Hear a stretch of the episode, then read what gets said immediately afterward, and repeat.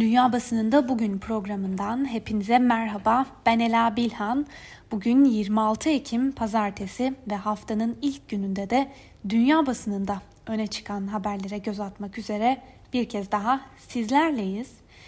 Bugün rutinimizi bozmayalım ve yine Amerikan basınının bir numaralı gündemiyle başlayalım bültenimize. Amerika'da seçimlere artık çok çok az bir süre kaldı ve iki isim Donald Trump ve rakibi Joe Biden son tartışma programında da geçtiğimiz hafta karşı karşıya geldiler ve artık seçime 7 günden az bir süre kala kararsız olarak nitelenen eyaletlerde kampanyalarını bir kez daha yoğunlaştırmaya başladılar. Voice of America'nın bu konuda aktardığı habere göre Anketlere bakılırsa Biden önde görünüyor ama Demokrat Parti adayı için tehlike ayrıntılarda gizli gibi. Ülke genelinde Biden ortalama 9 puan önde ancak başkanlık seçiminin kaderini belirleyecek olan kararsız olarak nitelenen eyaletlerde durum biraz daha farklı. Bazı eyaletlerde aradaki fark sadece 1 puana inmiş durumda. 4 yıl önceki seçimlerde de demokrat aday Hillary Clinton seçim gününe kadar anketlerde genelde öndeydi. Ancak seçim gecesi sonuç farklı oldu. Clinton ülke genelinde fazla oy kazanmasına rağmen delege sayısında geride kalınca Beyaz Saray'ın 4 yıllık misafiri Trump olmuş oldu. Ve New York Times'ın da gündeminde bugün tarafların seçmenleriyle ilgili yorumlar var. Örneğin gazeteden Charles Blow'un bugünkü yorumunda seçim günü geldiğinde Trump'ın öfkeli beyaz adamlar ordusunun Trump için savaşmaya devam edeceğini ve bunun Trump'ın kendisinin de çok iyi bildiği belirtilmiş. New York Times gazetesinin önemli bir gündem maddesi de başkan yardımcısı Mike Pence'e yakın çalışan iki kişinin COVID-19 testlerinin pozitif çıkmış olması. New York Times'a göre Beyaz Saray'ı üçüncü kez vuran pozitif vakalar Trump yönetiminin salgınla mücadele biçiminin bir kez daha sorgulanmasına neden oldu. Mike Pence'in test sonuçları şimdiye kadar negatif çıkmış olsa da uzmanlar Pence'in Trump'ın ekibiyle birlikte ülke çapında seçim kampanyalarına devam etme kararını kınıyorlar. Bu haber bugün Washington Post'un da gündeminde. Gazete haberi şu sözlerle aktarıyor. Pozitif vakalar Pence'in ofisini sarsarken Beyaz Saray salgında yenilgisine işaret ediyor. Gazeteden Mark Fisher'ın bugünkü yorumuna da göz atalım. Demokrasinin sonu mu geliyor?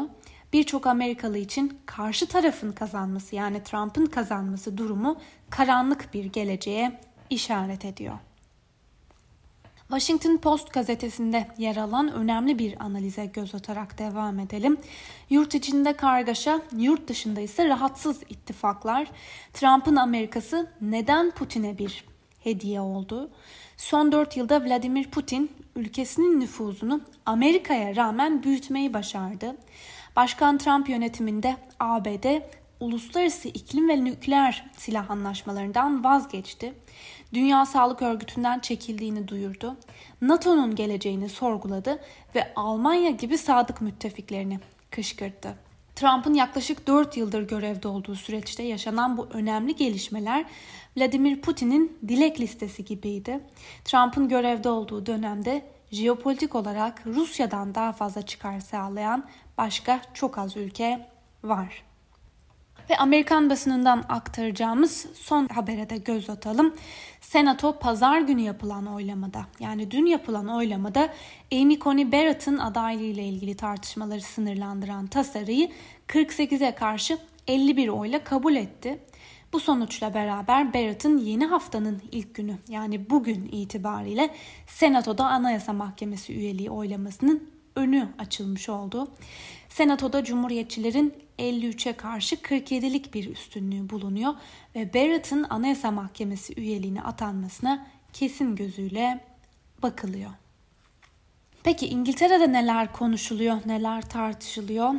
İngiltere'de yayınlanan hem Times'ın hem de Daily Telegraph'ın ilk sayfalarında hatta manşetlerinde bugün karşımıza bir petrol tankerine düzenlenen operasyon çıkıyor.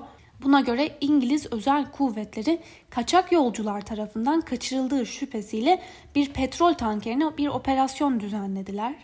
Manş denizi açıklarında düzenlenen operasyonda tankerdeki 7 şüpheli gözaltına alındı.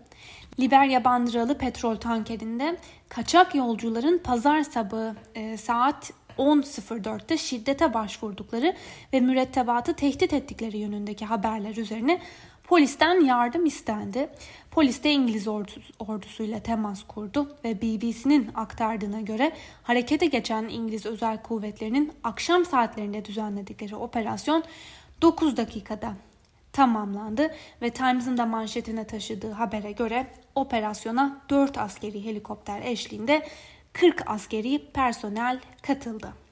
Bu haber dışında artan Covid-19 vakalarının eğitime etkilerini de gündemine taşıyan The Daily Telegraph'ın e, başka bir haberine göre de Covid-19'un eğitime etkileri konusunda hazırlanan bir rapor her 10 öğrenciden 4'ünün yeterli eğitim imkanına ulaşamadığını ortaya koydu. Gazete aynı zamanda yaşanan sürecin genç nesilde kalıcı yara açtığı konusunda da uyarıyor. The Guardian'ın manşetinde Boris Johnson bir baş kaldırıyla karşı karşıya sözleri dikkatimizi çekiyor. Korona pandemisinin başladığı günlerde İngiltere hükümetinin yardıma muhtaç öğrencilere yardım kampanyasını durdurma kararını tersine çeviren futbolcu Marcus Rashford'un Noel tatilinde de ücretsiz yemek desteğinin sürdürülmesi teklifi mecliste reddedildi. Ancak sosyal medyayı devreye sokan İngiliz futbolcu ülkeyi yeniden ayaklandırdı. Rashford'un kampanyası muhalefetteki İşçi Partisi tarafından avam kamerasında sunulan bir önergeyle oylamaya açılmıştı. Ve bu arada teklife karşı oy verenler arasında Başbakan Boris Johnson'ın da olması eleştirilere neden oldu. Gelen tepkilerin ardından hükümetin U dönüş yapmak konusunda baskı altında olduğu da belirtiliyor. Guardian'ın bugün manşetine taşıdığı haberde. Guardian gazetesinin Türkiye'yi de yakından ilgilendiren bir yorumuyla devam edelim. Bugün BBC'nin de gündemine taşıdığı Patrick Wintour imzalı yorumda Erdoğan'ın Fransa Cumhurbaşkanı Emmanuel Macron'a yönelik sert eleştirilerini ve Fransa'nın Ankara Büyükelçisi Hervé Magro'yu istişarelerde bulunmak üzere geri çağırması değerlendirildi. Erdoğan'ın zihinsel noktada bir tedaviye ihtiyacı var dediği Macron'la alay ettiğini yazan gazete tartışmayı sürdürmenin iki liderin de işine geldiği yorumunda bulundu.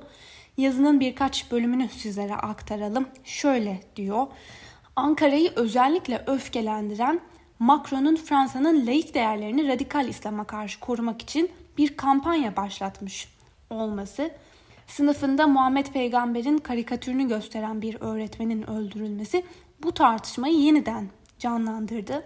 Her iki cumhurbaşkanının da tartışmayı sürdürmek için iç siyasi nedenleri var. Macron'un en az sağdaki muhalifleri kadar İslami aşırılığa meydan okuyabileceğini göstermesi gerekiyor. Erdoğan da kendi ülkesinde kamuoyu baskısı altında ve giderek kendisini İslam dünyasında Sünni hareketin lideri olarak sunmaya çalışıyor.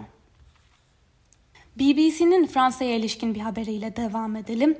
Müslümanlar da dahil olmak üzere Fransız vatandaşlarının korunması gerektiğini söyleyen Fransa Cumhurbaşkanı Emmanuel Macron, radikal İslam ya da Cumhuriyet'in yıkımı projesi güden organizasyonlar, dernekler ya da bireylere yönelik bir dizi somut adım atıldı dedi.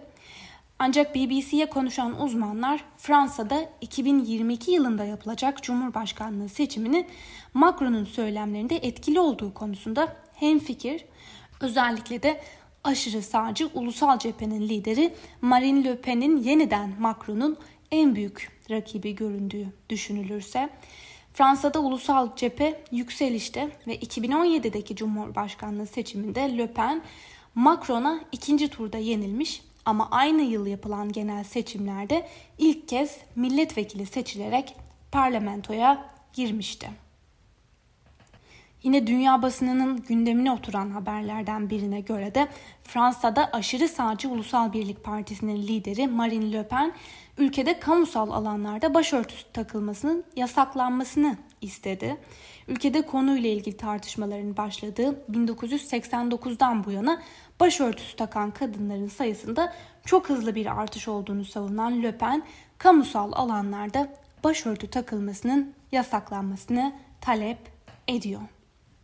Fransız basınında yer alan haberlere göre Fransa Cumhurbaşkanı Emmanuel Macron'un İslam konusundaki sözleri Müslüman dünyasında eleştirilere, gösterilere ve Fransız ürünleri için boykot çağrılarına neden oldu.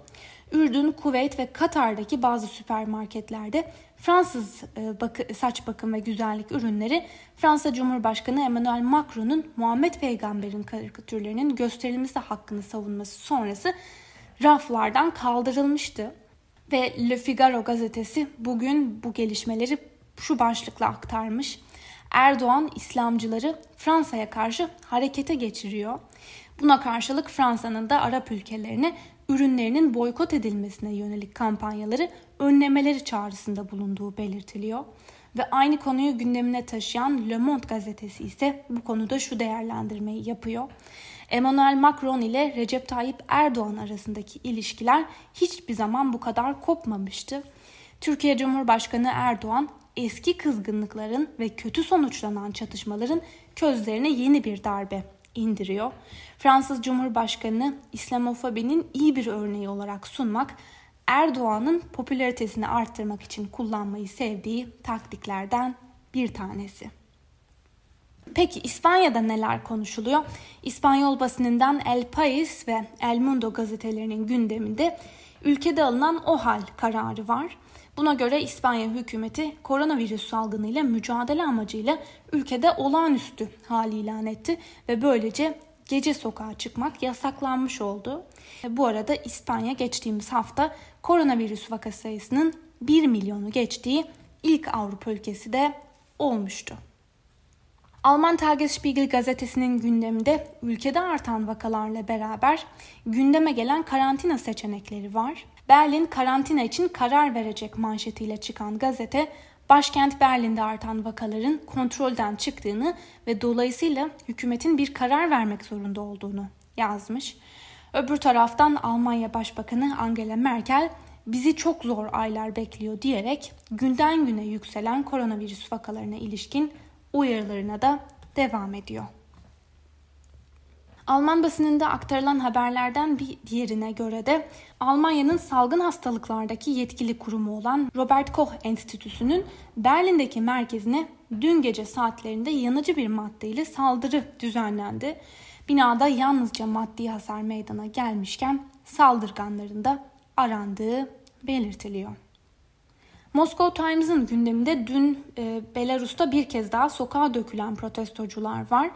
Belarus'un muhalif lideri Svetlana Tikhanovskaya Ekim ayı başlarında sığındığı Litvanya'dan bir mesaj yayınlayarak devlet başkanı Alexander Lukashenko'ya 25 Ekim tarihine kadar istifa etmesi için bir süre vermişti.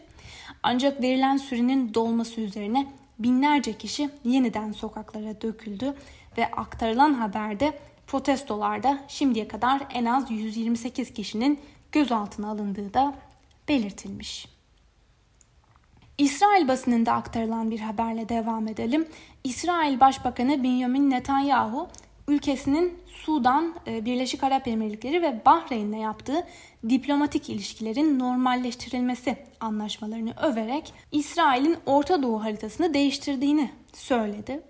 Jerusalem Post gazetesinin bir analizine göre de İsrail'in son olarak da Sudan ile imzalamış olduğu bu normalleşme anlaşması diğer Arap ülkelerini benzer bir adım atmaya zorluyor. Öte yandan hem İsrail'in hem de Sudan'ın bu diplomatik atılımdan kazanacakları çok şey olduğu da belirtilmiş. Dün Şili'de halk diktatör Pinochet döneminden kalan anayasanın yürürlükte kalıp kalmayacağına karar vermek üzere sandık başındaydı. Şili halkının büyük çoğunluğu anayasanın yeniden yazılması yönünde oy kullanarak Pinochet diktasında oluşturulan prensipleri yürürlükten kaldırmaya karar verdi ve yeni anayasanın halka 2022 yılının ortalarında sunulması da planlanıyor. Azerbaycan ve Ermenistan'ın ABD aracılığıyla vardığı anlaşma kapsamında Dağlık Karabağ'da insani ateşkes bu sabah Türkiye saatiyle 7 itibariyle yürürlüğe girmişti. Anlaşma kapsamında taraflar birbiriyle cenaze ve esirlerini takas edecekti. Ancak e, son gelişmelere göre ateşkesin hemen ardından Azerbaycan Ermenistan'ı bu sabah yürürlüğe giren insani ateşkesi ihlal etmekle suçladı. Azerbaycan Savunma Bakanlığı Twitter hesabından yaptığı açıklamada Ermenistan ordusunun Terter kenti ve bölgedeki köylere ateş açtığını duyurdu. Ve son olarak Çin Komünist Partisi'nin resmi yayın organlarından biri olan Global Times'ın paylaştığı bir köşe yazısını sizlere aktaralım. Şöyle diyor Global Times, Çin barış yanlısı ancak Çin'i kışkırtmayın. Çin'i çevreleyen bazı güçler, Çin'i rahatsız eden dış güçleri çaresizce takip ederlerse talihsiz sorunlarla karşılaşacaklarını ve çıkmaza gireceklerini bilmeliler. Tabi Global Times ülke ismi vermese de son yaşanan gelişmeler doğrultusunda aslında bu uyarının Tayvan'a yönelik bir uyarı olduğunu anlamak mümkün. Hatırlayacaksınızdır geçtiğimiz hafta bültenlerimizde şu haberi aktarmıştık. ABD Tayvan'a 1.8 milyar dolarlık silah satın, satışını onaylamıştı ve biz de bu adımın Tayvan'ı kendi toprağı olarak gören Çin'le ABD arasındaki gerilimi de tırmandırabileceğini söylemiştik. Özellikle Tayvan'la arasındaki ilişki geçtiğimiz haftadan bu yana iyice gerilen Çin'in Tayvan'ı ve ABD'yi hedef almaya devam edeceğini de tahmin edebiliriz diyelim ve bugünkü programımızı da Global Times'ten aktardığımız bu yorumla birlikte sonlandırmış olalım. Yarın aynı saatte tekrar görüşmek dileğiyle şimdilik hoşçakalın.